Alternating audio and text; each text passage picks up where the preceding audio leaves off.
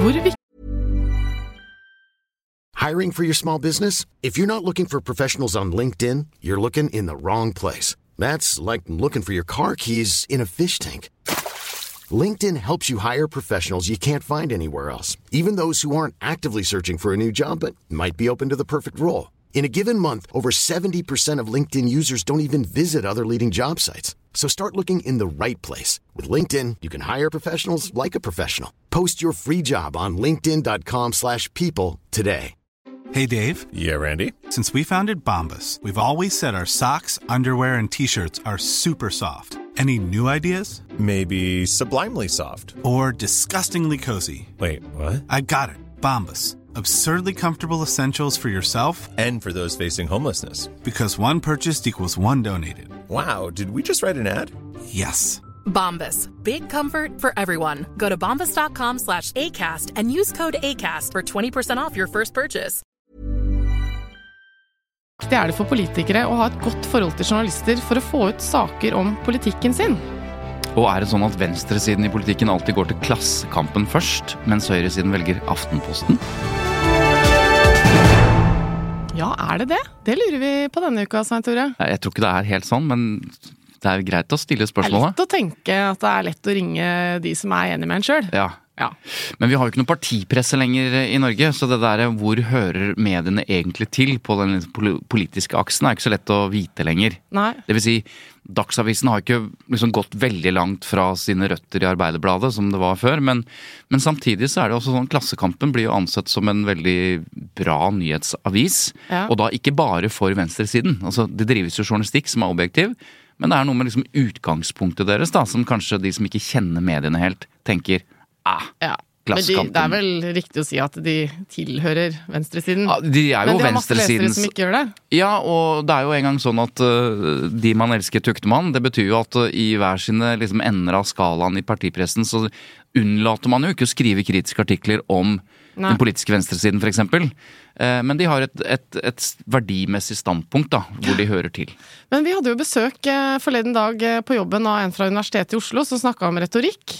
Det hadde vi. Eh, og det som han påpekte som var litt interessant, var jo det der med alle tankesmienes eh, nye redaksjonelle flater. Mm. Som eh, ifølge ham eh, var eh, kanskje skarpere eh, i sine, sin politiske dekning enn mye av den løpende nyhetsdekningen. Og når jeg tenkte meg om, så var jeg jo litt enig i det. Ja, altså øh, denne professoren i retorikk, som øh, vi nå ikke skal nevne navnet på, for vi skal, jo, øh, vi skal jo sitere han kanskje på noe som han ikke har tenkt skulle komme ut på eteren. Ja. Men han sa bare veldig kloke ting, så sånn sett så er det greit. Men han, han lærte jo oss også dette med hvor retorikk kommer fra. At retorikk eh, har et, eh, et dypt fundament i det normative, men altså at det er et etisk utgangspunkt for retorikken. Den er ikke, liksom, den er ikke helt uten verdi, eller verdimessig skal vi si, grunnlag. Og så handler det om overbevisning. Altså Retorikk og læren om retorikk handler jo om å overbevise. Du snakker for å overbevise, og sånn sett så er det Og det du sier er relevant, fordi vi skal nemlig få en gjest Ja, som driver med politikk. Og da er jo retorikk veldig viktig. Ja, kjempeviktig politisk retorikk, som jeg har da det siste året kritisert ganske kraftig også, fordi jeg mener den er dogmatisk og gammeldags, ikke sant? Ja. Politisk retorikk handler jo egentlig om to ting. Det ene, eh, det jeg mener det viktigste, er å prøve å overbevise andre som ikke er enig med deg selv, sånn at du får flere stemmer. Ja. Og den andre politiske retorikken vi ser for mye av, er at du bare prater til menigheten. Ja, nettopp Altså som du har kritisert litt, Veldig. eh, blant annet Ja. eh, i Arbeiderpartiet. Da. Men du har helt rett, vi skal få besøk av en politiker som jeg vil våge påstanden er en av de mest liksom, anerkjente og respekterte politikerne på venstresiden. Mhm. Ofte er det sånn at hvis du spør folk på den andre siden, så trekker de fram sånne som vår gjest. Og vi snakker om Kari Elisabeth Kaski Riktig. fra Men, SV. fra SV. Men først, vi har jo lest eh, både nettaviser og aviser og holdt oss orientert om hva som foregår i vår verden. Jeg har sett at Nettavisen får kritikk for å drive spekulativ og skadelig journalistikk mot det muslimske trossamfunnet Rabita. Ja. Og jeg trenger litt hjelp av deg til å liksom uh, oppsummere den saken. Ja, Fordi jeg har ikke fulgt med så mye på dette her, jeg. Men, uh, men de får kritikk. ja fordi altså, de nå har sett på uh, økonomien til eh, dette trossamfunnet. De har beklaget det de har gjort feil. Ja. Nettavisen har påpekt det. Det Nettavisen får kritikk for, er alt det andre. Ja. Insinuasjoner om at det er en sikkerhetsrisiko, at det er terrorister som har sitt utgangspunkt der. Masse påstander som Nettavisen har kommet med, og som de begrunner i sine artikler, men som de andre som er på andre siden, mener at det er spekulativt, det er brudd på Vær. Det er helt eh, veldig, veldig kritikkverdig. Og det er en del ting de har påpekt som Nettavisen allerede har liksom justert på, da. Men, eh, men det som er interessant, er jo at dette er jo et forsøk fra Nettavisen. De har holdt på med dette lenge. De kaller det liksom gravende journalistikk. De har flere journalister på det, og virkelig gått inn for dette. Og da er For det er jo spørsmålet snakk om at det er mye eiendomsverdi i virksomheten, at de får penger fra Absolutt. utenlandske stater osv. Ja, så det er, det er et interessant sakskompleks. Ja. Men det som kan skje, dette vet jeg ikke, det som kan skje når redaksjonen bestemmer seg for å kjøre svære graveprosjekter, det er at skylappene kommer på, og du søker etter informasjon som bekrefter det som er hovedhypotesen din. Du får litt overtenning. Ja, og det betyr at de f.eks. har valgt ut eller intervjuer forskere som viser seg å være litt perifere. Ja. Men de stemmer med det som er hovedhypotesen din. Ja. Men når du spør forskere det. Mm. som faktisk har greie på det, så sier de at nå er du på villspor. Og så skriver de at mange forskere mener at dette er eh, spekulativt, eh, bla, bla, bla. Ja. Og så er det egentlig bare noen, og også mange som eh, ikke reagerer på dette. Ja. Det blir i hvert fall interessant Typisk å følge. pressen. Blir i hvert fall interessant å følge. Men apropos PFU, jeg så en ikke-sak her om dagen. Ja, en ikke-sak. ja. Veldig underholdende ikke-sak. Og det er jo spørsmål om det er en ikke-sak, da, siden den er veldig underholdende. Men det er gratisavisen Natt og Dag. Ja. Har, har liksom fått kjempekjeft fordi de har kommentert eh, eller hatt bilder fra såkalt Vixen Awards Mm. og kommentert utseendet på både damer og menn og hva de har på seg, og vært veldig frekke. ja, for det var sånne bildetekster til Ja. denne karusellen eh, fra Rød løper som ja. ikke var spesielt snill, nei. Nei, og noe av det var morsomt. Andre, gang, andre deler var veldig lite morsomt. Sånn kommentere hvor langt puppene på en dame er fra hverandre, på en måte. Eh, det gjør man kanskje ikke i 2024, eller man skulle Nei, vel aldri det- gjort det noen gang. Så de gjør jo dette, da. Men det som er ikke-saken, er at jeg leser i VG at nå er Natt og Dag klaget inn til PFU. Ikke sant? Og Mm. Ja, det må Awards være lov? ja det, ja, det må jo være lov. Men du må lese ganske lenge, før helt til slutten av saken, så ser du at Natt og Dag er jo som oss.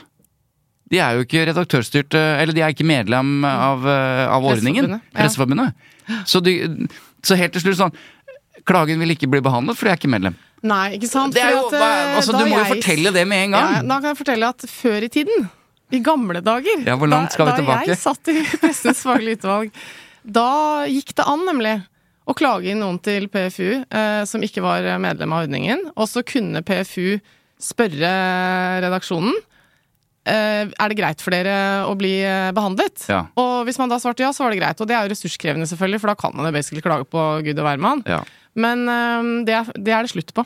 jeg skjønner. Så nå har de satt, eh, satt ned foten. Men, eh, men er du ikke enig? Altså Når hele saken handler om at jeg har klaget inn PFU, og helt til slutten så sier de, det blir ikke noe av, altså. Det er litt som å sånn hvis Vet du hva, jeg er ikke helt enig, fordi eh, det som jeg får ut av, av en sånn sak, da, Ja. og mange andre, er jo at eh, Å ja, da lærte jeg jo at eh, det er ikke alle som er medlem av PFU. Og, eller av ordningen, og ikke alle kan klage. Så det er forskjell på medier, da. Jo da, men Noen saken handler jo ikke om det. Noen har forpliktet seg, og andre har ikke. VG skriver en sak om at de er meldt inn til PFU, og jeg venter på at det blir spennende, helt til du skjønner at det er. Ja, ja. Det, er som å, det, er som å, det er som å anmelde en syklist som sykler Birken, for, og, og, han sykla feil vei, så vi, vi, vi klager og får, skal få han diska. Ja, men du skjønner, det var en tursyklist, han var ikke med i rittet. Ja. Jo, Det jo- men eh, jeg syns egentlig bare at eh, den viktigste informasjonen burde komme tydeligere frem eh, tidligere i Ja. saken. Så hadde det vært en sak. Vet du hva bransjemediene har gjort det? Klagesinte PFU, blir ikke behandlet. Ja. Ikke Altså, sant? med en gang. ja, så da har du jo lært noe. Nettopp. Nettopp. I'm Sandra, and I'm just the professional your small business was looking for. But you didn't hire me because you didn't use LinkedIn jobs. LinkedIn has professionals you can't find anywhere else, including those who aren't actively looking for a new job but might be open to the perfect role, like me. In a given month, over 70% of LinkedIn users don't visit other leading job sites. So if you're not looking on LinkedIn, you'll miss out on great candidates like Sandra. Start hiring professionals like a professional. Post your free job on linkedin.com/people today. Many of us have those stubborn pounds that seem impossible to lose, no matter how good we eat or how hard we work out. My solution is PlushCare. PlushCare is a leading telehealth provider with doctors who are there for you day and night to partner with you in your weight loss journey. They can prescribe FDA-approved weight loss medications like Wagovi and Zepbound for those who qualify. Plus, they accept most insurance plans. To get started, visit plushcare.com slash weight loss. That's plushcare.com slash weight loss. Men du, på tide å ta imot gjesten vår, da, kanskje. Ja. Velkommen. Velkommen, takk. Kari Elisabeth Kaski. Tusen takk. Det lytterne kanskje nå uh, oppdaget, er at eh, Kari Elisabeth Kaski har jo sittet og hørt på alt det vi har prata om, helt, helt, sittet helt musestille. Det er ikke sånn at hun var på gangen, og så inviterte vi henne inn. Så mm, Ventet du for ordet? Du er vel vant til det fra Stortinget? og Jo, absolutt. ja, videre? Vi kjenner deg jo kanskje som partisekretær i SV fra tidligere. Eh, Du er også nestleder i Stortingets finanskomité, og er dermed SVs finanspolitiske talsperson i dag. Du leder også forhandlingene om statsbudsjettet på vegne av SV eh, med regjeringen. Ja. Stemmer alt dette? Det stemmer. So far, so, so good. Veldig bra, Eva. Se om du klarer hvor hun har fått oppvokst. da. Du er oppvokst i Kirkenes. Og Riktig. starta i din tid eh, Natur og Ungdoms lokallag i den byen. Ja, Imponerende. Jeg vet hva, jeg har hørt at du altså, Jeg vet ikke om dette er riktig, men at du gikk og klistra på sånne Post-It-lapper på vindusruter på biler som sto på tomgang i Kirkenes. ja, det var da jeg var enda yngre, da. Eh, Da var jeg litt sånn liten. Eh, Jeg var med i sånn her lokal, lokal miljøklubb. Eh, det- det- Folk ble jo så sur, vet du, for det var jo midtvinters. Ja, det er jo grunnen til at de har det på tomgang. Det er jo dritkaldt der oppe. Det var det. Det ble jeg jo behørig forklart. Jeg husker en særlig sint fyr. Mm. For ca. et år siden så meldte du deg ut av kampen om å bli SV-leder, på et vis. Du Ja. eh, skyldte på familiesituasjonen og små barn. Ja, jeg gjorde det. Eh, Og det var flere av oss som var litt skuffa da. Flere av oss, legg merke til hvordan du formulerer. Syns det hadde vært eh, fint, jeg. Men jeg skjønner jo at det ikke alltid passer. Ja, det er hyggelig du sier. Nei, altså, eh, Audun Lysbakken meldte jo øh, eh, sin avgang som partileder eh, et par uker etter at jeg hadde født eh, mitt andre barn. Ja. Um, utrolig dårlig timing. Hva er det han holder på med? Ja, det lurer jeg også på. Um, det har jeg sagt til han.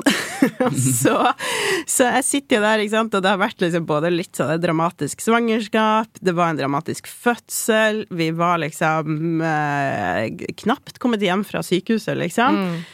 Og så um, har jo jeg gleda meg egentlig til permisjon, liksom, fordi det er jo deilig. Da får du lite sånn avbrekk, kan se politikken litt utenifra. Um, det er jo som sagt nummer to, så jeg har en fireåring fra før av.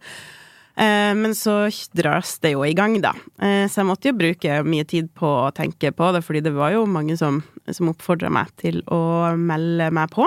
Eh, men, eh, men altså, det fant jeg egentlig ganske fort ut at det Jeg kan verken gå i en lederkamp akkurat nå, mm. og jeg har ikke lyst til å bli leder. Jeg har en, eh, en baby og en fireåring, og det Ja. er nok å være stortingspolitiker, da. Ja, du har lang karriere foran deg. Men kan jeg bare, Vi skal jo snakke om eh, ditt forhold til journalister, og, og hvordan eh, dere som politikere forholder dere til medier osv. Men jeg bare liksom dveler litt med det. Du fikk jo eh, naturligvis mye skal vi si, sympati og anerkjennelse for det valget du tok, nettopp fordi du var ærlig og åpen på at det handlet om din situasjon. Um, men, så, men så antar jeg at i den, selv i den uh, situasjonen, to uker etter fødsel osv., så, videre, så vurderte du det jo. Altså helt seriøst. Hvilke krefter er det som drar i deg da, når Ja. du sitter der og skal vurdere disse tingene opp mot hverandre? Åh, ja, nei, jeg absolutt uh, vurderte det. Og det er jo altså, det er noe som har ligget der litt sånn i bakhodet over tid. Fordi at du vet jo på et tidspunkt at du er blant en av de som kan være aktuell når nåværende partileder skal gi seg. Um, både fordi at andre snakker med deg om det, og fordi at du på en måte erkjenner det litt sånn sjøl også. Så at tankeprosessen har jo vært der over tid, men det er jo først når du får kniven på strupen at du må liksom ordentlig tenke på det. Uh, og så må jeg innrømme at for min del så uh, handla det mest om å se sånn Fordi det var såpass mange og dette, Det er jo litt sånn kleint å snakke om, fordi at det høres så utrolig selvopptatt ut, men liksom, det var mange som, som Det er mange som har lyst til at jeg skulle stille. Ja. Mange som ville ha meg som partileder. Opplever jeg ikke sant, at jeg får mye henvendelser om det fra folk som er viktige for meg i partiet, og viktige for meg ellers. Eh, og du har jo sant, du har for det første ikke lyst til å skuffe dem. Og så tenker du Jeg tenkte sånn, jeg har noe å bidra med, kanskje. Har um, Tror at jeg, jeg, har en profil som kunne vært bra for partiet, og, og samle partiet. Um, og så, jeg brukte egentlig mye tid på å liksom prøve å se kan jeg overtale meg sjøl mm. til å gjøre det her. og mannen din, eller? Og, ja, eh, for så vidt. Vi snakka jo en god del om det, men så syns jeg det var litt vanskelig å dra han med inn i en sånn overtalelsesprosess før jeg sjøl hadde liksom funnet ut hva vil mm. jeg dypest sett mm. inni meg. Så er det jo viktig sånn, hadde det gått? Og det er klart at det spilte jo inn. Vi har veldig lite familie her, for eksempel. Lite bakkemannskap for mm. å liksom få det til å fly rent praktisk, da. Han er også SV-politiker? Ja, han sitter i bystyret, så ja. han har en jobb ved siden av, så han gjør det på fritida, da, men det er jo vel så mm. Men begge er fra Nord-Norge, så dere sitter i, i Groruddalen i Oslo ja. uten et fullt eh, familieapparat rundt dere? Riktig. Mm. Ja. Velkommen til Tut og mediekjør, sier vi offisielt nå etter å ha snakket litt om politikk. Hvor opptatt er du av det vi snakker om? Altså pressens rolle, presseetikk, hvordan journalistikken faktisk blir til? Altså, eh, politikk og, og journalistikk eh, er jo uatskillelig, og veldig mye av hverdagen går jo med til både å forholde seg til det som står i media, til å forsøke å komme på i media, mm. og til å håndtere det å være i media.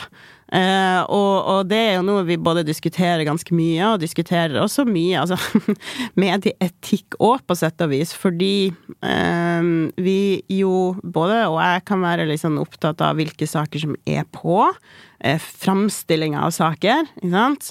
Eh, men også når man står i ulike former for medieoppmerksomhet, eller mediestormer, da. Mm. og, og der var jo altså der eh, nettopp var i den fasen der var hjemme i permisjon med, med baby, og det var liksom ledervalget og ble nedrengt av, av, landets journalister, så det sånn her, da var jeg veldig glad at jeg jo Men da hadde medieerfaring og og det, det, har du jo hvis du havner i en sånn situasjon, i å liksom håndtere det, fordi at det skal så lite til. Det var veldig lett å bli lokka utpå, da, mm. Eh, med å begynne å ta en aktiv rolle i media, som jeg jo ikke skulle, for jeg var i mm. permisjon. Mm.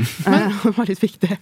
Får man en eller annen form for sånn formell opplæring uh, i politikken rundt hvordan mediene fungerer og sånn, eller kommer det bare sånn inn med morsmelka etter hvert? Ja, det, det, nei, altså altfor lite av det. Ja. Og jeg, altså, du, dere nevnte jo at jeg starta lokallag i Naturungdom, men så satt i sentralstyret i Naturungdom. Det der jeg lærte mediearbeid, mm. ikke politikken. Mm. Uh, der hadde vi mye mer sånn reell opplæring. Eh, så kan det være at andre partier er flinkere enn det SV, mm. men, men vi, det er veldig lite fokus på opplæring av det. Og da mener jeg egentlig sånn én ting å trene på å være i en Dagsnytt 18-debatt, uh, men, men det er jo så mye mer enn det. Mm. Hvordan snakke med en journalist? Hvordan jobbe media? Hva er de opptatt av? Hva skal du liksom Ja, hvordan skal du agere, da? Hva er reglene ja, er de må forholde seg til, mm. som gir meg noen rettigheter, osv.? Mm. Nettopp. Mm. Og det snakker vi utrolig lite om, til å være så tett sammenvevd med journalistikk. Ja, det er jeg veldig mm. overraska over. Så det er en det slags gammeldags uh, holdning også, både når det gjelder journalistikk og kommunikasjon. Mm. At uh, ja, men du må bare være ærlig og snakke fra leveren og si det du mener, og kvitte deg med rådgivere, fordi da, da, da går det bra. Mm. Poenget er at det gjør det jo ikke. Nei. Eh, du kan ha to eh, mennesker som har ulike forutsetninger for å nå fram med sitt budskap, eller forstå hvordan mediene fungerer, og de kan være like ærlige, like gode intensjoner. Det blir altså så stor forskjell på hvordan de kan bli fremstilt, basert på den kunnskapen du mm. har, eller hvordan du faktisk snakker og agerer, da. Så det er liksom ikke den derre forståelsen av at Nei, bare vær ærlig, du. Bare mm. snakk rett fra levera, sånn som vi gjorde i gamle dager. Det har vist seg ikke være spesielt uh, smart. Spesielt ikke hvis du står i en krise. Nei, ikke sant. Fordi uh, man vet jo at uh, det er ord, ord, Bordet fanger, og ord fanger. Så ja, hvis man er for ærlig så, og litt klønete i hvordan man legger ting frem, så blir det jo store overskrifter. Ja, og det Altså, jeg blir jo stadig vekk uh, overraska og skuffa over meg sjøl i at jeg gjør de feilene fortsatt. Altså, jeg har snakka med media mye de siste 15 årene, og likevel så mm. gjør jeg intervjuer som er på trynet, liksom. Eh, sånn at det der er Det er en sånn kontinuerlig ting du må trene på å ha mm. oppmerksomhet rundt, da, for det er veldig lett å, å bli litt sånn cocky på at eh, null stress, dette fikser jeg. Men jeg. bare i forlengelsen av det, Mm. får dere noe opplæring i sånn kroppsspråk, hva skal du ha på deg, så er det den type Nei. refleksjoner og samtaler i partiet? Eh, til Ja, ja da, til en viss grad er det det, men det er ikke, det er ikke noe systematikk i det, vil Nei. jeg si. Igjen da, med forbehold om at det andre partiet kan, kan gjøre det i litt større grad, men jeg tror at eh, mye av de ressursene går jo nok til de fremste talspersonene. Eh, Men um, også, så er mediehverdagen er også litt sånn at du blir Eller politikk, den politiske hverdagen og mediehverdagen går så fort. Eh, og i stadig større grad også, egentlig. Sånn at litt av utfordringa vår er at vi, vi ikke eh, har tid til å i for liten grad prioritere nettopp den type arbeid også. Mm. Mm. Fordi at det blir så reaktivt at du håndterer media, mer enn at du jobber med det over tid. Men eh, kan journalister irritere deg? Altså, er de, går det an å jobbe med dem? Er de irriterende? Ja, det er selvfølgelig det. Og så er de jo eh, også hyggelige og trivelige, og du får jo liksom bedre relasjoner til noen journalister enn andre. Eh, men stort sett så har vi jo veldig sånn hva skal si, arbeidsmessig, eh, profesjonelt forhold der vi forstår hverandres roller. Ja.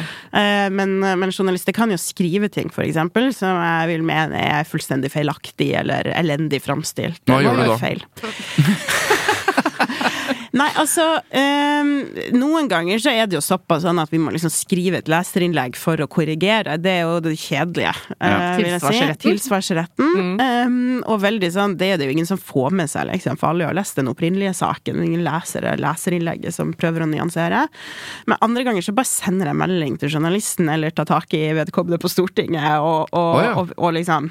Skjeller ut? Har du eksempel på det? Prøver å ikke skjelle ut, jeg tror ikke jeg har det helt i meg. Men nei, ja, sist faktisk i morges så leste jeg en kommentar av eh, en kommentator i Aftenposten, Andreas Slettholm, om regjeringskvartalet. Ja. Og så sier han at SV sin politikk, og navn, navngir meg da spesifikt, for jeg har vært ute på den saken, ikke henger på grep. Fordi at vi både kritiserer at det nye regjeringskvartalet blir for høyt og Ja. stort, Mm. og at det blir for lite plass til de ansatte. Altså sånn, jo, det henger på grep hvis du setter deg inn i hva vi mener. Ja. Fordi det vi mener, er jo at ikke alle departementene skal samles på det samme stedet. Ja. For da blir det for trangt, men òg for høyt. Ok, men da Så nå er han du på Messenger, Ja, eh, att og fram i morges? Ja, ja. Mm. Hvordan responderte han på det? Nei, altså, han eh, er jo profesjonell, og jeg skal ikke gjengi liksom, hans respons på det. Min, mitt inntrykk er at de fleste journalister setter jo pris for, på tilbakemeldinger, men det er jo veldig sjelden du da likevel får en sånn ny kommentar. Ja, jeg tok feil. Ja. Eh, Kafki minnet meg på til frokost Ja. i dag at eh, jeg hadde skrevet noe feil. Nei, men der sitter jo Andreas Slettholm Mm. og ser eh, og, i sin private sfære, selvfølgelig, og så får han en sånn eh, messagemelding først fra gutta, skal vi dra på hyttetur, og rett under der så kommer sånn Kaski er jo litt livet for oss alle, liksom. Nettopp. Mm. Og det er jo litt utfordringa med sosiale medier. Ja. Men du sier ifra. Men eh, du er altså en politiker som jobber med finanspolitikk, Ja. eh, og har i motsetning til mange andre politikere en relevant utdanning innenfor Ja, finans. men jeg har ikke Full disclaimer, jeg har ikke mastergrad. Nei, men eh, kaller du deg samfunnsøkonom? Nei, Gud. Fordi, ja, men det er vel ikke en beskytta Ja, det her nettopp Siviløkonom er vel det, og Sindre Finnes og så videre. det, det var Men- nettopp det jeg skulle inn på. Du, du har bachelor i Nei, det er det jeg ikke har. Har du jeg ikke har det? ikke det. Så jeg har vært utrolig Ja, en ting er at du ikke har master. det. Ja, ja, nei, jeg har ikke det heller, vet du. Ja vel. Å, Jeg nå mangler var det bra, ti nå fikk du sagt studiepoeng. det Ja, tape. Jeg mangler ti studiepoeng for bacheloren min. Nettopp. Sånn at eh, jeg har ikke det, og derfor har jeg vært så opptatt av å prøve liksom, at det ikke står noen sted. For at du blir jo, det, mange steder står det jo liksom hvilken utdanning jeg har tatt, Ja. men at det ikke skal stå at jeg er samfunnsøkonom eller økonom. For det det, da må du For det, det står et eller annet sted vi har leita, Ja. at du, er, at Ja, du har men, bachelor i eh, samfunnsøkonomi. Meld, over, eh, fordi jeg prøver. Jeg har vært, dette har jeg vært opptatt av, og i mange år nemlig. For er sånn, det er så kleint hvis det setter Men seg. altså, hvis noen lurer, alle kan gå rundt og kalle seg samfunnsøkonom.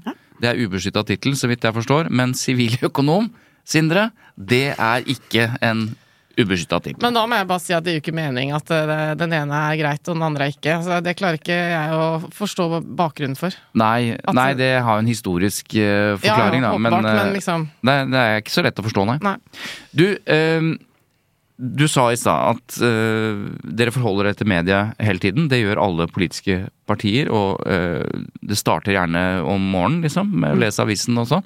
Kan du si litt hvordan eh, dere eh, tenker fra morgenen av i en politisk eh, hverdag, når dere leser om dere selv, skal prøve å få saker på osv. Hvordan er det arbeidet? Ja, nei, altså det er jo som du sier, vi starter jo med å si, både lese aviser, men òg høre på eh, Nyhetsmorgen på NRK. Det er altså en sånn viktig premissleverandør. Um, og så har vi morgenmøter. Eh, Der vi, og dette tror jeg altså Sånn har det nok vært i mange år. Sant? At man, da går man gjennom hva er nyhetsbildet.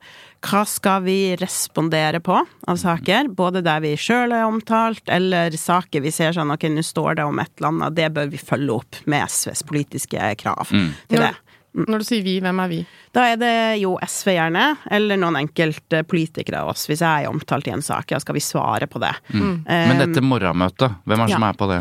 Det er alle, altså hele stortingsgruppa, eh, og så er det inforådgivere. Og så har vi delt oss litt opp i undergrupper, og så har vi et eget et for eh, gruppestyret, som er ledelsen på stortingsgruppa, der vi tar noen av de større Ja, fordi du har jo små unger og sikkert en travel morgen og Ja, sånn, så er du må så ha litt hjelp til å få bli pekt liksom hit og dit i Nei, nyhetsbildet. Kan nei, nei altså vi har dette på et veldig Det er klokka ni, liksom. Så det er ikke så tidlig vi har det morgenmøtet. Nei. Um, og da har vi jo rukket å lese, lese på banen på vei, Ja. liksom. Men da er det sånn en eller annen inforrådgiver i SV sier ja, nå har Høyre vært ute med det, hvem er det som tar den saken der? Hvem er det som vil ta det der? Er det Ja, vi har ganske klare avdelinger på Jeg jobber med økonomi og finans, så jeg tar det. Uh, Freddy, som sitter og leder arbeids- og sosialkomiteen på Stortinget, han følger opp arbeidslivspolitikk, sosialpolitikk. Så at det er veldig klart. Men så kan det jo være liksom skjæringspunktet på noen ting, og så må vi avklare det. Eller vi må avklare hva skal vi si. Det er jo ikke alltid det. Vi har krystallklare posisjoner heller. Så hvordan skal vi gripe an det? Hva skal vi si? Og ikke minst, skal vi svare? Ja. Skal vi bruke tid på det? Um, og det er jo den utfordringa vi har hele veien med en sånn modell å jobbe på, for vi må gjøre det på et vis. Men vi må passe på at ikke vi bare reagerer og responderer, men at vi også har innsalg av saker og prøver å prege debatten. Ja, for det én ting er å reagere på noe hvor det nærmest kunne tenke seg at dere hadde en slags tilsvarsrett, eller i hvert fall ø, det er en reaksjon, og det er mediene ofte mottakelig for. Men, eh, men hvis dere proaktivt skal selge inn en sak hvor det ikke er skrevet noe på forhånd, dere skal ta initiativet. Helt konkret og praktisk, hvordan foregår det innsalget til medieredaksjonen? Ja, nei, altså vi øh, Når vi gjør det på den måten som er best, da eh, For dette, dette vil jo variere selvfølgelig litt. Eh, Men eh, da eh, starter vi jo med å drodle eh, rundt hva er det vi skal få fram. Hva er saken her? Eh, Hva er det liksom viktig for oss å få ut nå? Og så skriver vi gjerne et lite sånn notat, eller flak som vi kaller det, på det. Um, der det både er fakta om saken, og så kan det være at vi legger til liksom, budskap eller sitater eh, fra den stortingsrepresentanten som skal ut. da, Hvis det er meg, så er det liksom, her er liksom det Kaski kan si i denne saken her. Mm, Basert på politikken Basert deres. på politikken vår. Um, og så er det stort sett en eh, da kommunikasjonsrådgiver som tar kontakt med en journalist. eh, og rett og slett selger inn den saken og sier sånn 'Jeg har en sak til deg. Her er det. Sender over', liksom. Pitcher gjerne på telefon først, sender over på e-post. Dette er det jo lurt å gjøre på morgenen, da. Gjerne liksom i forkant, da, hvis man er veldig Det er veldig sånn dagsaktuelt, morgenmøtene til journalistene, som også er liksom gjerne i sånn ni-halv ti-tida. Så gjerne litt før ni. Ja. Gjerne litt før ni. Og det er det jo klart, hvis Det må jo også sies, hvis jeg for eksempel ser en sak på vg.no så venter jeg jo ikke til det har vært morgenmøte for å respondere på det. Hvis det er godt og trygt innenfor mitt område, da bare fyrer jeg av gårde en SMS til en journalist også. Ja. Så det er på en måte også en måte å gjøre det på. Ok, du gjør det, ja. Ja da, absolutt. Og så eh, kan det jo være at det er nettopp en sånn type innsalg som ikke sant, det har ikke hast. Så journalisten kan liksom få det litt ut på dagen, tygge på det, diskutere det i redaksjonen, og så kan det godt være at den kan ligge der til neste uke. Når vedkommende får tid til å ta det. Men så er det ofte sånn at journalister de trenger da, skal de ha den saken, så trenger de f.eks. fakta. Ja. Kanskje til og med politikk eh, om liksom, konkret hva er dere mener om politikken. De trenger kanskje noe forskning hvis det er noe liksom, sånn. Og så trenger de såkalte caser, kanskje. Ja. Hvor mye av dette bidrar eh, dere som apparat med at journalisten skal få For én ting er at han må leite fram alt sjøl. Mm. Det er mulig å gi mye også. Hvordan er det? Nei, altså, når vi har tid, så prøver vi å levere alt. Eh, så akkurat nå har vi faktisk et innsalg liggende sine. Mm, kan ikke blåse det da ennå. Eh, får ikke fått liksom eh, det i boks. Men, men der har vi lagd fakta, vi har lenka til forskninga som finnes på det, og vi har et case. helt liksom Dette er done deal, vær så god, en pakke. Så vet jo vi og det er viktig å si sånn, vi er jo ikke naive nok til å tro at da får vi en sånn derre helt ukritisk hurrasak. De sluker det med søkk og snøre, liksom. Sånn, for de som stort sett så Eller vi selger jo inn til seriøse journalister og seriøse nyhetsmedier, og da kommer det til å være liksom også kritiske spørsmål, eller liksom man kan hente inn andre stemmer og sånn. Men det hjelper å levere god pakke. Det gjør det, sant. Eh, og forskning er nå engang forskning, liksom, uansett om det er SV som har lenka til den forskninga. Um, så det er jo liksom idealet, når vi får til det. Og så er det ikke alltid vi har liksom tida til å jobbe det ut, men det er jo når eh, absolutt noe vi prøver å gjøre. Det jobber jo som eh, andre Informasjons- og Ja. presserådgivere. Det slår meg, fordi det kom en prinsipputtalelse fra PFU allerede på 90-tallet om, eh, om, med en oppfordring om å være skeptiske til PR-rådgivere som driver med det du beskriver nå, egentlig. da, Selger inn saker, presenterer, velger kilder selv, presenterer caser. Eh, Og da er man jo som journalist eh, veldig naturlig skeptisk til PR-rådgivere fra virksomheter. Mm. Eller byråer. Men så lurer jeg på om de har den samme greia mot, eh, mot eh, Nå vil jeg jo si det er veldig stor prinsipiell og demokratisk forskjell da, på et PR-byrå Mm. eh, sitt innsalg kontra på en måte et politisk parti. Og, og bakgrunnen fra det eh, Så et PR-byrå gjør det jo selvfølgelig på vegne av en kunde, eh, men, men jeg mener jo at det er et demokratisk viktig prinsipp at politiske partier og stortingspolitikere kommer ut i media med politikken sin. Mm. Ikke sant? Det er viktig. Dette er eh, stort sett veldig aktuelle saker som man diskuterer på Stortinget. Det er den måten vi får fram de debattene på. Ja. Veldig få som sitter og følger med på referatene i stortingssalen eller innstillingene som ligger i stortingskomiteene. Vi må få det på i media for å komme ut med det. Mm. Men det gjelder jo samme for organisasjoner. Altså det sitter eh, viktige organisasjoner som har viktige greier. De har da informasjonsrådgivere internt som Mm. selger inn. Men eh, er det noen prinsipiell forskjell på å ansette informasjonsrådgivere i en virksomhet eller politisk parti enn å kjøpe det utenfra? Altså, eh, det kommer jo eh, litt an på, syns jeg, fordi eh, Eller altså, i, i, jeg mener at det ikke er noe shady, for det første, med informasjonsrådgivere. Det, er det trenger vi, og det trenger politikken, det trenger organisasjoner. Du trenger noen som jobber med det, bare fordi at jeg har ikke sjøl tida til det. Og jeg må bruke tid til andre ting òg, og det er viktig at man kommer ut med, med politikken. Har du Eh, diskutert det med Vedum? Jeg bare spør. ja, altså det er, det er mye å ta av her. Eh, så, men som PR-byråer, tenker jeg det, det kommer liksom Dette, er, dette syns jeg er eh, mer mangefasettert. Fordi um, hvis man øh, har en virksomhet der man hyrer inn et PR-byrå for å fylle en oppgave der, som er liksom, liksom vi, vi har ikke behov for eller råd til å ansette permanent en, en informasjonsfunksjon her, så er det jo liksom selvfølgelig eh, også helt legitimt å hyre inn det. Eh, og det er legitimt å drive på med lobbyvirksomhet. Jeg har vært miljølobbyist sjøl. Eh, helt legitimt når det skjer i åpne landskap, og det er tydelig hva som skjer, og det er tydelig hva man eh, lobbyerer. Men der jeg mener det blir eh, mer grumsete, er jo når det er liksom, og dette er jo stort sett pengesterke aktører, for det er jo dyrt å hyre inn disse byråene, lager en full sånn påvirkningsstrategi som innebærer, og det ser vi jo, ikke sant? Eh, det kommer på saker i media som er sånn, ja, men dette ser vi jo er solgt inn fra den, den lobby, de lobbykreftene der. Det må være via et PR-byrå, liksom. Ja, hvorfor ser du at det må være det? Eh, nei, det er jo litt Det er så bra pakker. ja, det er litt det. Og det er litt for sånn um, Ja, det er um, uh, måten det er satt opp på, på en måte, rett og slett. Um, og, og igjen, da, altså det er ikke i seg sjøl nødvendigvis illegitimt, men jeg, jo, jeg tror det er bare viktig at man har en bevissthet rundt det. Og det må være litt sånn åpenhet, da, i større grad. Hvis det ikke eksempel kommer fram i en sak at det er noen interesser bak som har liksom bidratt til at den saken kommer på, så er jo det problematisk. Ja. Kan jeg bare stille, gå en, et lite sidespor eh, til høyre når du nevner lobby? Mm. Det er jo fristende å spørre om dette med lobbyregister Mm. på Stortinget.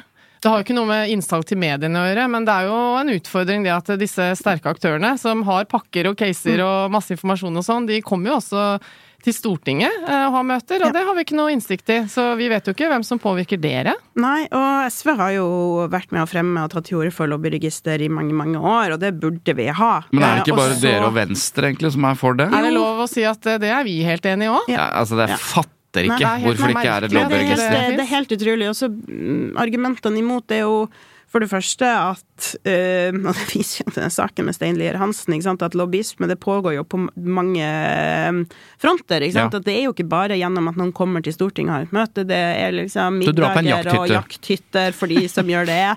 Og sånn. Eh, jeg mener jo at eh, sånne ting også bør registreres, da, og at det er liksom noe med at vi kan ikke vi kan ikke argumentere mot et lobbyregister ved å bare si sånn ja, ja, men det skjer masse lobbyisme på mer sånn skjulte måter også. Ja, ok, det må vi få fram i lyset. Og så er det jo klart at det vil være tilfeller hvor det er personer som tar kontakt med stortingspolitikere som ikke skal stå i et register. Ikke sant? Der det er liksom Det kan være varslingssaker eller andre saker. Dem er eh, jeg vil bare understreke, det er sjeldent. Veldig sjelden. Da må du ha måter å håndtere det på. Vi er jo nå Vi pleier å si Eva, at vi prøver å skille vår dagjobb fra vår tut- og mediekjørjobb. Men nå er vi jo, noe av grunnen til at vi stiller disse spørsmålene også, er vi kjenner jo til alle disse sidene ved denne saken. Og bare for å eh, liksom Vi får jo noen ganger spørsmål om dette. Vi jobber jo skjæringspunktet mellom eh, nettopp liksom eh, næringslivsinteresser, media, eh, påvirkning osv. Men jeg tenker det er så mye sånn liksom un, eh, upresis debatt om dette. Du er jo inne på nyansene her, men jeg tenker sånn, vi er for et lobbyregister. Jeg skjønner ikke hvorfor det ikke er det. Åpenhet om hvilke oppdragsgiver du har, mener vi er en forutsetning for å drive en, være med på en samfunnsdebatt og demokratisk greie. Det er det andre. Eh, og når det gjelder journalister, jeg har masse journalistvenner som sier det er helt uproblematisk at det jobber med kommunikasjonsavdelinger og PR-roller, for de vet jo. Ja. De tar imot store pakker, små tips fra enkeltpersoner, og de vurderer det deretter. De skjønner jo, journalistene skjønner jo at her er det et kjemperigg. Her må jeg være ekstra overvåken, osv. Ja. Det er ikke et stort problem. Men her er det problemet som jeg mener eksisterer i vår bransje, Eva Ja. det demokratiske problemet, hvis vi skal ta opp det som jo, for å snakke litt store ord, det er jo at de med mest penger har muligheten til å kjøpe flest råd. Større på en måte påvirkningskampanjer, eller kall det hva du vil. Det gjelder også for de kundene vi har. Det er klart at det er jo ikke alle som har råd til å bruke våre tjenester. Nei, det ja. Men la meg bare fullføre det. Det viser seg etter å ha lest Dagens Næringsliv i det siste, at det du i hvert fall ikke har råd til, det er å hyre advokater. Så dette med at pengesterke organisasjoner, virksomheter, mennesker har tilgang til det beste du kan få. Det gjelder jo på alle samfunnsområder. Ja, de største husene, de beste bilene, de største områdene og eiendommene og Altså, du får tilgang til alt med penger. Men det kan være et demokratisk problem at det gjelder det samme for den bransjen vi jobber i. Det tror jeg vi kan si. Og så når vi først snakker om dette med, med innsyn og lobbyregister, da, det er jo faktisk sånn at uh, vi har en offentlighetslov i Norge, Uh, og ikke bare journalister, men vi alle kan søke om innsyn i masse dialoger som foregår i offentlige virksomheter. Altså, det går jo an å be om å få mailutvekslinger uh, internt i en bedrift osv. Men å finne ut av hva du har holdt på med, som er folkevalgt på Stortinget, eh, og hvilke møter du har hatt og sånn, det er vanskeligere. Og det er jo litt rart i demokratiet. Ja, det er det. Og så er det klart at noen deler av Stortingets arbeid, og for så vidt regjeringa sitt arbeid, det bør jo være unntatt offentligheten mens det pågår, og det handler jo om liksom, at vi skal kunne jobbe. For eksempel da, når stortingskomiteene jobber med en sak, og det ligger i komité, vi har ikke avgitt innstillinger, vi har ikke tatt Ja. beslutninger, det er hemmelig. Eh, og vi har ikke lov til å lekke hva de ulike partiene eh, har som posisjon. Og det er en kjempeviktig del av demokratiet. For i de fasene der så ser vi jo at partiene beveger seg. Mm. Det er da du kan gå vekk fra primærstandpunkter og overskriftene i media, prøve å søke sammen. Det er en Ja. veldig viktig del av det norske demokratiet som skiller oss annet fra USA, ved at vi, vi evner det. Og hvis du hadde fått full transparens på det, så hadde vi jo ikke kunnet gjort det. Nei, det er jo et viktig Sånn poeng. Ser den. Men du, jeg, jeg glemte å stille et spørsmål eh, i stad angående dette med innsalg. Altså, For et par dager siden så er det en stor sak i E24 der du oppfordrer virksomheter til å gjøre et slags opprør mot NHO. Eh, fordi du mener at har et, de har et veldig sånn overdimensjonert fokus på formuesskatt. Og det gjelder tross alt ganske få bedrifter av alle som er medlem i NHO. Altså, Hvordan blir den saken til, helt konkret? Det der er eksempel på en sak hvor jeg har fulgt opp en annen sak. Fordi at NHO-sjefen var ute i, eh, i media og tok til orde for lavere formuesskatt. Um, det er jo en posisjon NHO har, så Almli var ute og, og tok til orde for det, og kommenterte også på den pågående debatten, sant. Eh, den politiske debatten nå, der det har vært liksom et spørsmål om Arbeiderpartiet er i ferd med å bevege seg vekk fra sitt formuesskatteposisjon. Mm. Eh, Høyresida liksom driver og pusher veldig på for det, apropos sånn koordinert kampanje og, og penger, makt og alt sånn. Og så, så jeg ringte rett og slett journalisten og, og spurte om det var aktuelt med en oppfølger med, med SV. Ja. Eh, Og da og vil jo det- han si det. Kommer på, det kommer jo an på hva du har å si, og hvor mye du har tenkt å trøkke til. Ja. Og da trykker jeg til. Så mye som en finanspolitiker kan og skal gjøre. um, og, og det er jo en sånn typisk sak, da, for å være ærlig, som jeg blir veldig fornøyd med, fordi at det, den kommer noen dager etterpå og får liksom eh, god eh, det, sant, det ble en, både nett og på papir. Det var meg, og ikke bare nederst kommentar fra, fra SV nederst i den opprinnelige saken. Så det ble liksom. en hovedsak. Eh, og det er jo det du liksom prøver å få til, da. Mm. Um, det der at politikere ringer og tenker at nå må jeg tøkke til. Jeg bare kom på det, jeg så en sak eh, Vi har jo alle fulgt denne eh, NRK-serien med Bård Tufte Johansen om at vi har blitt sjokkert over hvor mye natur, apropos ditt tidligere engasjement i Natur og Ungdom, som, som, som jo bygges ned. Og så, og så, så, og så så jeg en sak fra landbruksministeren fra Senterpartiet som tenker nå skal jeg ringe og trøkke til. Nå skal jeg si noe som definitivt får oppmerksomhet, som virkelig skal provosere, sånn som vi i Senterpartiet kan gjøre. Så da ringte han, da, antar jeg, til, eh, til noen, og så sa han vet du hva. Det er ikke for mye det, skal, det er ikke sånn at det bygges for mye ned. Vi, må, vi bygger for lite ned norsk natur! Sånn spissformulering. Så du? Ja, nei. Nei. Vi bygger for lite ned! Og så hadde han jo et resonnement rundt det, som jo var mer nyansert, kanskje. Men Så det han kom på. Selvfølgelig kom. Når Alle er redd for at vi bygger ned for mye natur, og så kommer landbruksministeren Nei, nei, det er omvendt, kjære dere. Og det er jo sånn ja, Det Ja, virker det- så veldig politikeraktig tenkt, da. Jeg får helt fnatt av sånne saker. Jeg, det irriterer meg grann. Og så blir det sånn her, Når, når eh, Geir Pollestad da er ute, og, og han har ofte sånne liksom, litt sånn her Nå skal han provosere saker. Og det er bare sånn, da gjelder det bare å sitte på hendene.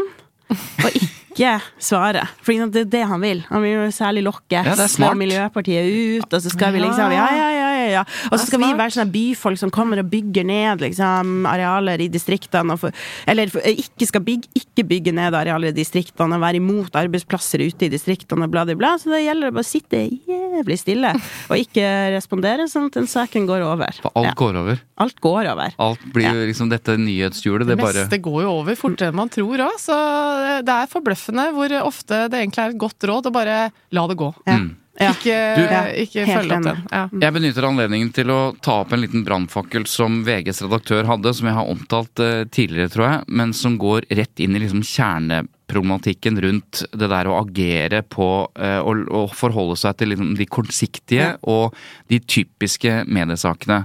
Han sier at vi må snart begynne å lage journalistikk som ikke bare handler om å stikke mikrofonen borti de som protesterer på nedlagte lokalsykehus, men lage journalistikk som ser på på en måte de store strukturelle utfordringene vi har, f.eks. med helsepersonell osv. Ja. Det er en grunn til at sykehus blir lagt ned, bla, bla.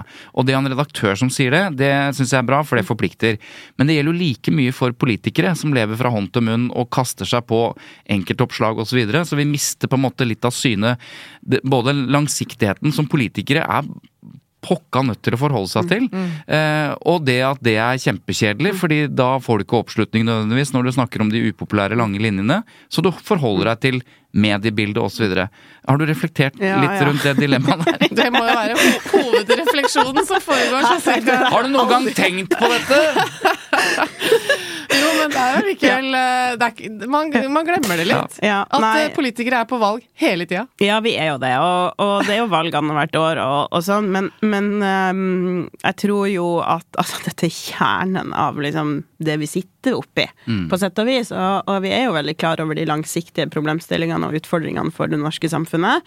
Eh, Jobber mer med det enn det kanskje ser ut som, men det er jo typisk også de sakene som ikke nødvendigvis er så lett å få på. Ikke sant? Eh, Det er jo ikke, ikke sant? Vi, Jeg får jo ikke på en sak med sånn eh, Oi, det blir mangel på helsepersonell i tida fremover. Ikke sant? Det der er kjempevanskelig. Um, så det er nå det ene, at det er vanskelig å få liksom Ja, ha sånne her lange mediedriv da på de langsiktige utfordringene i samfunnet. Nå skal vi diskutere perspektivmeldinga på Stortinget denne ja, våren og høsten her. Det er kanskje en anledning til det. Mm. Uh, noen store sånn overordna ideologiske debatter som bør tas i forbindelse med det. Mm.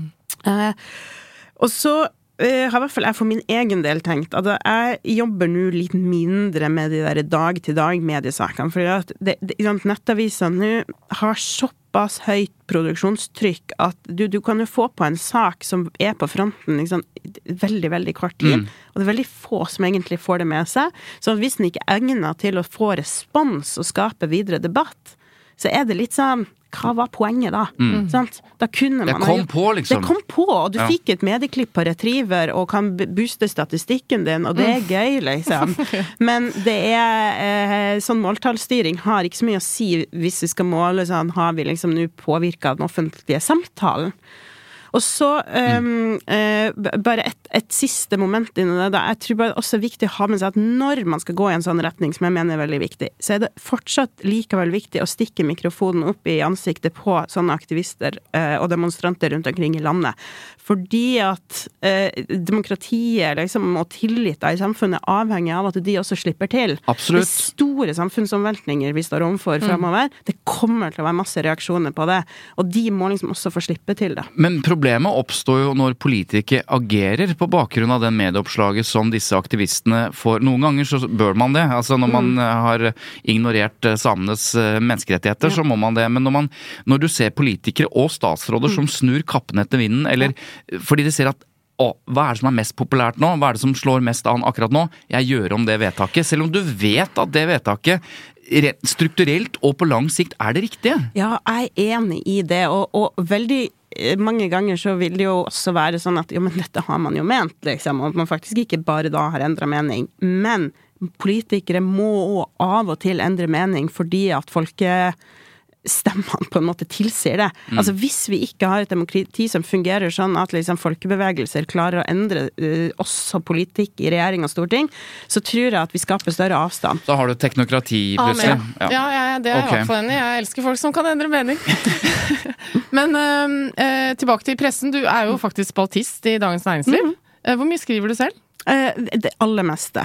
Det hender at jeg får liksom hjelp i travle perioder der jeg er sjanseløs til å få gjort det sjøl, men, men, det meste skriver jeg sjøl, mm. mm. Men hva, Vi har vært inne på dette flere ganger med at eh, publikum, lesere, må forstå eh, liksom forskjellen på journalistikk, meningsjournalistikk, mm. kommentarer osv. Eh, og så skriver du i Dagens Næringsliv. Du er invitert som spaltist i Dagens Næringsliv. Eh, I hvilken grad forstår si, lesere og politiske tilhengere og motstandere dette forholdet mellom liksom, det som står i avisen og det du skriver i avisen? Hvis du skjønner? Ja, altså jeg, jeg, opplever vel egentlig at det er ganske tydelig og klart. Um, og så har jeg forsøkt å gjøre i hvert fall den spalta til ikke bare sånn, og det er det jo ingen som hadde orka å lese, reproduksjon av SVs partiprogram, sånn at det må jo være noen sånne refleksjoner innenfor nye områder, og et sted å liksom prøve ut litt ting. Mm. Um, og, og starte noen debatt eller ta noen standpunkter som ikke er gitt eller mm. ikke liksom veldig oppe i dagen fra før av. Er det noen spesiell grunn til at du har valgt å være spaltist i DN? For du kunne sikkert fått det tilbudet fra andre aviser også. Og det er lett å tenke at du kunne valgt deg en litt mer sånn, eh, hva skal jeg si, typisk venstreorientert avis. Men er det en strategisk beslutning dere gjør eh, på dine vegne? Eh, nei, altså nå var det en som spurte, da. Ja, okay. og det er finanspolitikk eh, ja. mye og sånn. Så, ja. ja. og Dagens Næringsliv er jo en av de um, avisene, jeg vil kanskje si en av de fremste, nå smisker jeg veldig, uh, til å nettopp dekke næringsliv og, og mm. økonomi i Norge. Det, jeg ønsker jo at flere aviser går mer inn i det, særlig, særlig å dekke næringslivet. Det tror jeg det hadde tjent oss vel, da. Ja, for vi, vi stilte jo spørsmål innledningsvis. Er det mm. sånn at man går til Klassekampen eh, hvis man tilhører venstresida, så hva svarer du til det? Ja, nei, altså det varierer totalt fra sak til sak, ja. rett og slett. Vi tenker litt sånn hvor passer denne saken denne, og hvor har vi andre innsalg og Så ja. det er et litt sånn kabal, det der. Um, men, men, det er jo klart at vi, vi også er jo opptatt av hvor mange lesere har de ulike mediene, og hvem er det som leser. Ja, ikke minst det siste, da. Eh, og, og der er det jo litt sånn at det vil være bølger. Sant? Når det ikke er valgår, så er det jo kanskje der du trenger å liksom prøve å forme den offentlige samtalen og trekke alt i retning at flere mener det samme som deg. Mm. Overbevise nye stemmer. Jeg har brukt masse tid på å prøve å bygge troverdighet til SV i økonomisk politikk, eksempel. Mm. At ikke liksom mm, vi skal ha lav troverdighet på det. Og det er ikke for at alle de folka skal tenke at de skal stemme SV, men, Mm. men at det liksom man har en større troverdighet, vil være positiv for oss. Og så, når det nærmer seg valget, så blir det mer av den der som du var inne på da innledningsvis, med at du først og fremst eh, snakker til dine egne, fordi at du må liksom get out the vote. Ja. Men når du, når vi stilte det spørsmålet, er det lett å velge venstresidas eh, altså Dagsavisen eller Klassekampen, eller om det, Og så sier du egentlig at det handler om sak. Men jeg bare kom på en sånn derre sang. Da jeg jobbet på Stortinget, så var det en sang vi hadde ofte på øh, øh, Kanskje på slutten av de der mediemøtene, eller var det på, et, øh, på fredagspils, eller hva, så var det et eller annet De sang sånn Husker ikke melodien, så jeg skal ikke utsette folk for det, men det var, slutten var sånn Alt, og dette handlet om hvor du skal få på saker, da. Alt går i Og dette er urettferdig, altså, jeg må bare si det. Alt går i grisen og i Dagsavisen. Og, det, og så var det også slang de på, og går ikke det, prøv ANB. Som er da avisenes nyhetsbyrå. Altså det, det var en slags holdning om at du prøver å selge inn til Dagens Næringsliv, VG, Aftenposten, og går ikke det, så prøv ANB, eller alt går i grisen og i Dagsavisen. Og, det, og dette var Arbeiderpartiet, da, så det kan jo godt hende at det er litt rett i det at Dagsavisen har eh, Vil du kommentere dette, Kaski? Nei. Da, da kan vi bevege oss videre.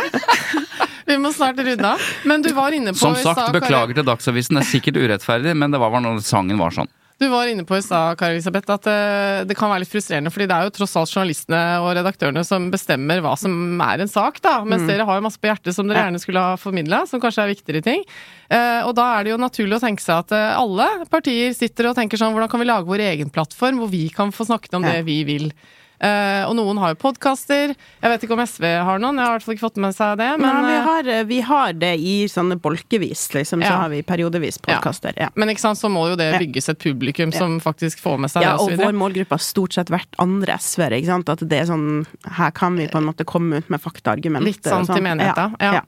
Ja. Men du er jo ganske aktiv på sosiale medier også, så det er vel en strategisk beslutning da, at du skal eh, også bruke de plattformene. Hvordan jobber dere med det da? Får du hjelp? Ja, eh, ikke til å poste, dessverre, det er on my own, men jeg får ganske mye hjelp i nettopp sånn, nå må vi på en måte Ja, vi jobber faktisk en god del med det akkurat nå, der vi fordi meta-universet der med Facebook og, og Instagram, algoritmene der endrer seg hele tida, så du føler liksom du har en, en strategi og en måte å jobbe på, og så bare merker du plutselig det funka ikke.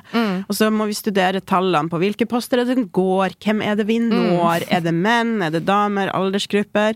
Um, så da har vi jo en strategi, ja. På, men det er veldig mye prøving og feiling, for vi vet egentlig ikke hva det er som funker. Nei, det er jo Eh, det- knapt ja. noen som gjør det. Ja. det Men, men det, altså, Eva og jeg snakker av og til eh, om dette med åh, oh, så, vi må ut på sosiale medier, og de lager sånne bilder og tut og hei og kjør osv.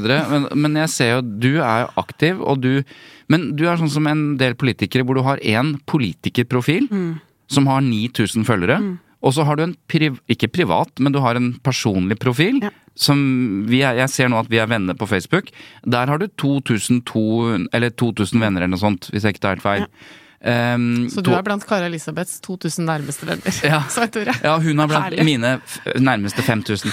Men, um, så da er den disclaimeren der. Men poenget er eh, det er første gang vi møtes i dag. Hyggelig å treffe deg. Men poenget mitt er i hvert fall at du har to profiler. En politikerprofil og en Kaski-profil. Begge ser ut til å være ganske offentlige. altså Det er ikke noe sånn er private bakbilder, så mye av det. Men hvordan behandler du disse profilene? Litt Nei, altså, den private gjør jeg ikke noen ting på. Nei. Den er egentlig helt sovende. Den døde, Eh, ok. den, eh, så den bare eksisterer tilbake fra 2007.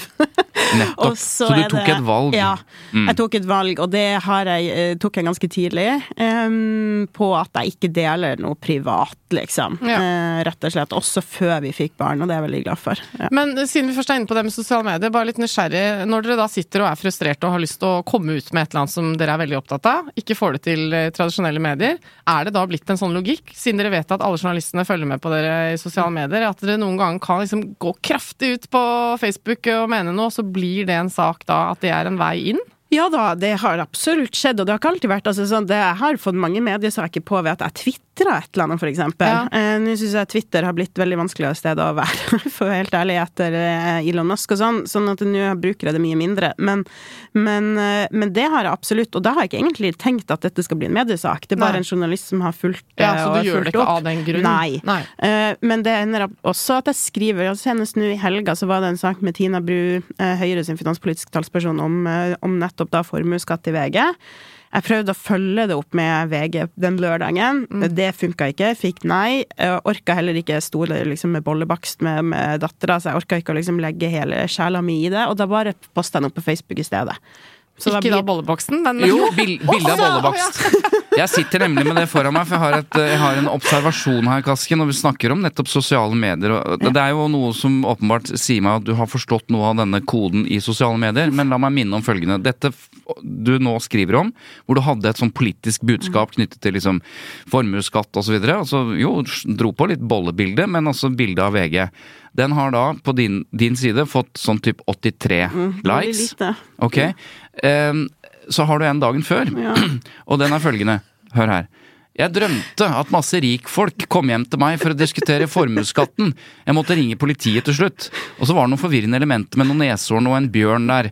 Så trenger noen kopper kaffe for å komme i gang med denne dagen. Ha en fin dag. Bilde av. Kaski. Er jeg venn med deg, tror jeg? Ja. Men bare for, bare for å forstå sosiale medier. Den har ikke fått 84 likes. Den har fått 650. Ja, nei da, vi kan jo bekrefte det. Vi jobber jo med kommunikasjon eh, til daglig, og det er jo folk som dessverre ikke er så interessante for media, fordi de er nobodies eh, Ja. sånn sett utenfra. Og da er det jo en strategi ofte å bygge seg opp i sosiale medier, LinkedIn eller Facebook, og ha en profil, og så begynne å mene ting som blir plukket opp i media, for det er måten eh, man kan komme inn, da. Men spørsmålet mitt eh, egentlig handler litt om både i sosiale medier så kan du velge å by på deg sjøl, som det heter, eh, og få masse oppmerksomhet. Eller du kan ha, være veldig saklig og få mindre oppmerksomhet. Det gjelder jo for hvordan dere opptrer i media også. Mediene er hele tiden ute etter at dere skal by på dere sjøl, være personlig, kanskje til og med private. Hva slags, liksom, eh, hva slags, eller hva slags eh, holdning har du til hvor mye du skal gi, da? Ja, det er, jeg prøver å ha en veldig bevisst holdning til det, og egentlig har jeg liksom satt opp noen sånne klare stolper. Fordi at eh, ja, man må gi noe privat, og så må man finne ut hvordan det ikke skal bli for personlig. Og det er, det er jo av og til ærlig talt også litt frustrerende, for jeg har masse personlig jeg, jeg, kun, jeg vet jeg kunne ha brukt, og så kunne det blitt kjempemye liksom, oppslag og store ting ut av det. Og så må du bare du må sette de grensene. Også fordi at hvis du først begynner å skli på det, så er det veldig vanskelig å si nei seinere. Eh, sånn at jeg har egentlig bare lagd de settet med reglene. Som mm. sånn um, Ja, før så hadde vi hund. Hunden kan jeg by masse på. Null stress. Nun har Han ingen tar hun- ikke skala det. Han tar ikke noe ikke Har ikke noe personvern. Nei, ikke noe personvern der. Eh, eller sånn kan liksom gjøre Ja, ikke sant, bollebakst eller snørr på klærne og sånn, men aldri noe bilde av barnet, ikke sant. Noen bruker jo det. Jeg, jeg syns det er ikke jeg, Ja, jeg Ja. liker ikke det. Ja, du har jo et veldig profesjonelt forhold til dette, men du brukte ordene omvendt av hva vi pleier å gjøre det. For det er jo et vanlig råd vi gir til folk. Altså, vær gjerne personlig, men, ikke ikke privat. Ja. Og du, du sa det omvendt. Jeg vet ikke, jeg- mitt inntrykk er at du mente det samme som oss, nemlig Riktig. at det Ja. må by deg på, gi av deg selv, men ikke nødvendigvis eh, innenfor mm. det mest private rommet Nei, og det tror jeg man må liksom ha en veldig klar idé rundt hva er for noe. Ja. Ja, det. ja, det er veldig viktig at man gjør, fordi at det, det kommer tilbake til en. eh, Dette hvis har, eh, dette har du tenkt mye på, Eva. Dette har jeg tenkt mye på. Men, og da må jeg spørre, eh, når du en gang kommer dit, at eh, sjansen byr seg igjen for å eventuelt bli SV-leder eller en eller annen minister, altså et eller annet ny rolle, eh, og du skjønner at nå må folk tenke litt mer på meg framover, kommer du da til å stille opp i Kompani Lauritzen eller 71 grader nord eller Skal vi danse, eller er du en sånn type? Um, egentlig ikke. Og så jobber jo et sånt sted der de blir veldig sånn ja, du skal ikke gjøre det, da, liksom. Ehm, eh, Hvem er det som på kommer med sånne Se på det, min kommunikasjonsrådgiver Ja. Runa. Ehm, men så har jeg heldigvis eh, noen eh, venner som har hatt tilbake fra Natur og Ungdom og lenge før jeg ble politiker, som er veldig god til å sette meg ned på jorda igjen og bare sånn Du skal ikke på Skal vi danse! Men, men altså når Kanskje kunne ta den rollen i eh, Ringenes herre-oppfølgeren. da. Ja, ikke sant? Nei, men det er faktisk veldig bra, for at jeg ser for meg at det er sånn som du gjør i et sånn her forskjell når du kommer inn i valgkamp, så er det liksom du bare mister en del sånne hemninger, og så kan du angre så voldsomt i etterkant på det. Så det tror jeg er veldig viktig, Ja. apropos de der grensene og stolpene. Da. Så har det gått veldig bra for noen, og ikke så bra for andre. Så er det vanskelig å si. Ja, Ja, Man vet jo ikke helt om man vil komme godt gjennom i et sånt program. Emilie Enger eh, Mehl er jo en av Norges absolutt mest populære politikere, og det, ingen skal komme og fortelle meg at ikke den rollen Hvor hun da taklet veldig godt, og vant, og fremsto som To både reality-programmer hun har vunnet. Ja, faktisk. Ja. Eh, Anno også. Men poenget er at eh, det var jo åpenbart et genistrek av henne. Hun er vel den mest kjente politikeren i Norge, tror Nettopp. jeg, når jeg så siste sånn tall Og det føles jo opp av TikTok osv. Og, så og her du Mm. sitter i en litt sånn grønnfarget uh, uniformsskjorte, nesten. Eh, Hvis du får spørsmålet om å bli med i Kompani Lauritzen, altså akkurat det programmet, glem Skal vi danse. Ja. Kompani Lauritzen, Kaski. Nei, nei, nei, nei, nei. Men det er jo en strategisk beslutning som Ja. er forskjellig, og om den er god Ja. eller dårlig. Liksom. Fordi at det, for- For Emilie Enger Mehl så er det naturlig å tenke seg at kanskje Ok, rådgiverne sier at du kan fremstå litt eh, sånn og sånn, litt eh, hva skal jeg si, ikke kald, men sånn eh, utilgjengelig, et eller annet sånt noe. Ja. Vi trenger å vise deg fram på en annen måte. Og så kan jo det være suksess fordi man blir kjent med mennesket og får mer respekt enn man hadde før. Mens i andre sammenhenger, med første jeg kom på er liksom Hadia Tajik i Skal vi danse, som det blir litt mer åpenbart hvorfor hun gjør det, selv om hun nekta å være enig i det, da. Ja, jeg har ingen kommentar til det. Så det går ikke an å si sånn ja eller nei, det er smart eller ikke smart å stille opp Altså, jeg eh, tenker jo på en måte så er det åpenbart smart å stille opp i reality, fordi du blir mer kjent, og vi lever av det. Vi trenger å være kjendis. Altså, Karin Andersen, verdens beste kollega tidligere, som ikke kom inn på Stortinget nå sist, hun sa alltid det. Du må tørre å være litt kjendis, sjøl om det er ubehagelig. Ja. Så det må man, men man må sette de der grensene på hvor hvor langt skal du strekke det, da? Ja. Hva blir bare kleint og feil? Helt til slutt, hva, hvordan er det å være kjendis? Eller føler du at du er kjendis når du går rundt i, på Og dette er også veldig kleint å snakke om, men, men altså, det er jo definitivt sånn at folk kjenner meg igjen Ja. eh, på gata. Og så er jeg jo ikke på noen som helst måte blant de mest kjente politikerne i Norge, men jeg er relativt kjent, sånn, særlig i Oslo. Mm. Eh, og da mannen min merker jo det mest, liksom, sånn på at han legger merke til at folk ser på meg, liksom. Eh, så jeg har liksom skrur det litt av, eh, rett og slett. Men jeg blir jo forferdelig selvbevisst, særlig hvis jeg er ute med familie og unger, Mhm. og du er på ditt mest sånn sårbare og, og ustelte. Ja. så ja. Mm. Hvordan ser det gjør eh, ut nå, hvis det plutselig hadde blitt tatt et bilde av det? eller- Nettopp. Ja. Men bare for å avslutte den kjendisbiten. Jeg skjønner at dere lever av å være kjente oppslutning, og jeg presser deg litt på Kompani Lauritzen og sånn, men det er jo også sånn at Olaug Bollestad, Mm. som er vel den mest populære, i hvert fall på noen målinger, fordi hun byr så på seg selv, og det, hun har vært med i programmer og Sofa og Da er det både personlig og privat. ja, La meg minne om at oppslutningen i KrF eh, fortsatt er på rundt eh, 4 da. Ja. Ja. Det er jo ikke sånn at kjendiseriet nødvendigvis gir politisk oppslutning. Nei, og enkeltpolitikeres betydning for oppslutning er generelt litt overdrevet. Det gjelder partiledere også. Det er mer mm. Og det tror jeg vi skal la være siste ord. Yes, En slags moralsk eh, læresetning om, eh, om eh, ikke, sant? ikke tro på alt mediene prøver å få deg til å være med på, fordi partiets oppslutning avhenger av andre ting. Absolutt. Så da gjenstår det å takke deg, Svein Tore Bergestuen, for at du kom i dag. Tusen takk, Eva Sandum, for at du også tok turen. Og så må vi si takk til Lyder Produksjoner. Jeg tror faktisk vi skal si takk til Ragnhild Tiller òg, som Ja. har eh, hjulpet oss litt med research. Absolutt. Og takk til Kari Elisabeth Kaski som eh, Ja, sk solgte du deg inn her, eller hvordan var dette her? Ja, det tror jeg faktisk at jeg gjorde. Mm. Det er Full eh, disclaimer. Det det- var en, eh, ja, da var det innsalg, ja. Dette er, vi vil oppfordre flere til å selge seg inn til den viktigste mediekritiske podkasten i eh, Norge. Her er det mye å lære. Takk til alle lytterne. Takk til Det var litt slemt, Svein Tore. Ja, da, eh, til, men, eh, til ja. Vi snakker jo om det, ja. så vi må jo være Ja, jeg ærlige vet på ikke om det. det er mest slemt om for meg eller for dere sjøl, Ja. si. Altså, dere har jo tatt Agne, da. Ikke sant? ja, sånn ja. Det- det ja, var nettopp det som var poenget. det er. Det var, det var siste ord, faktisk. Så eh, takk for at du hørte på. Vi høres igjen neste uke. Ha det godt. Ha det fint.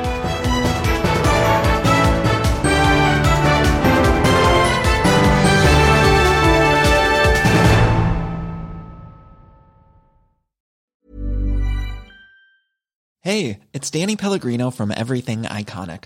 Ready to upgrade your style game without blowing your budget? Check out Quince. They've got all the good stuff shirts and polos, activewear, and fine leather goods, all at 50 to 80% less than other high end brands.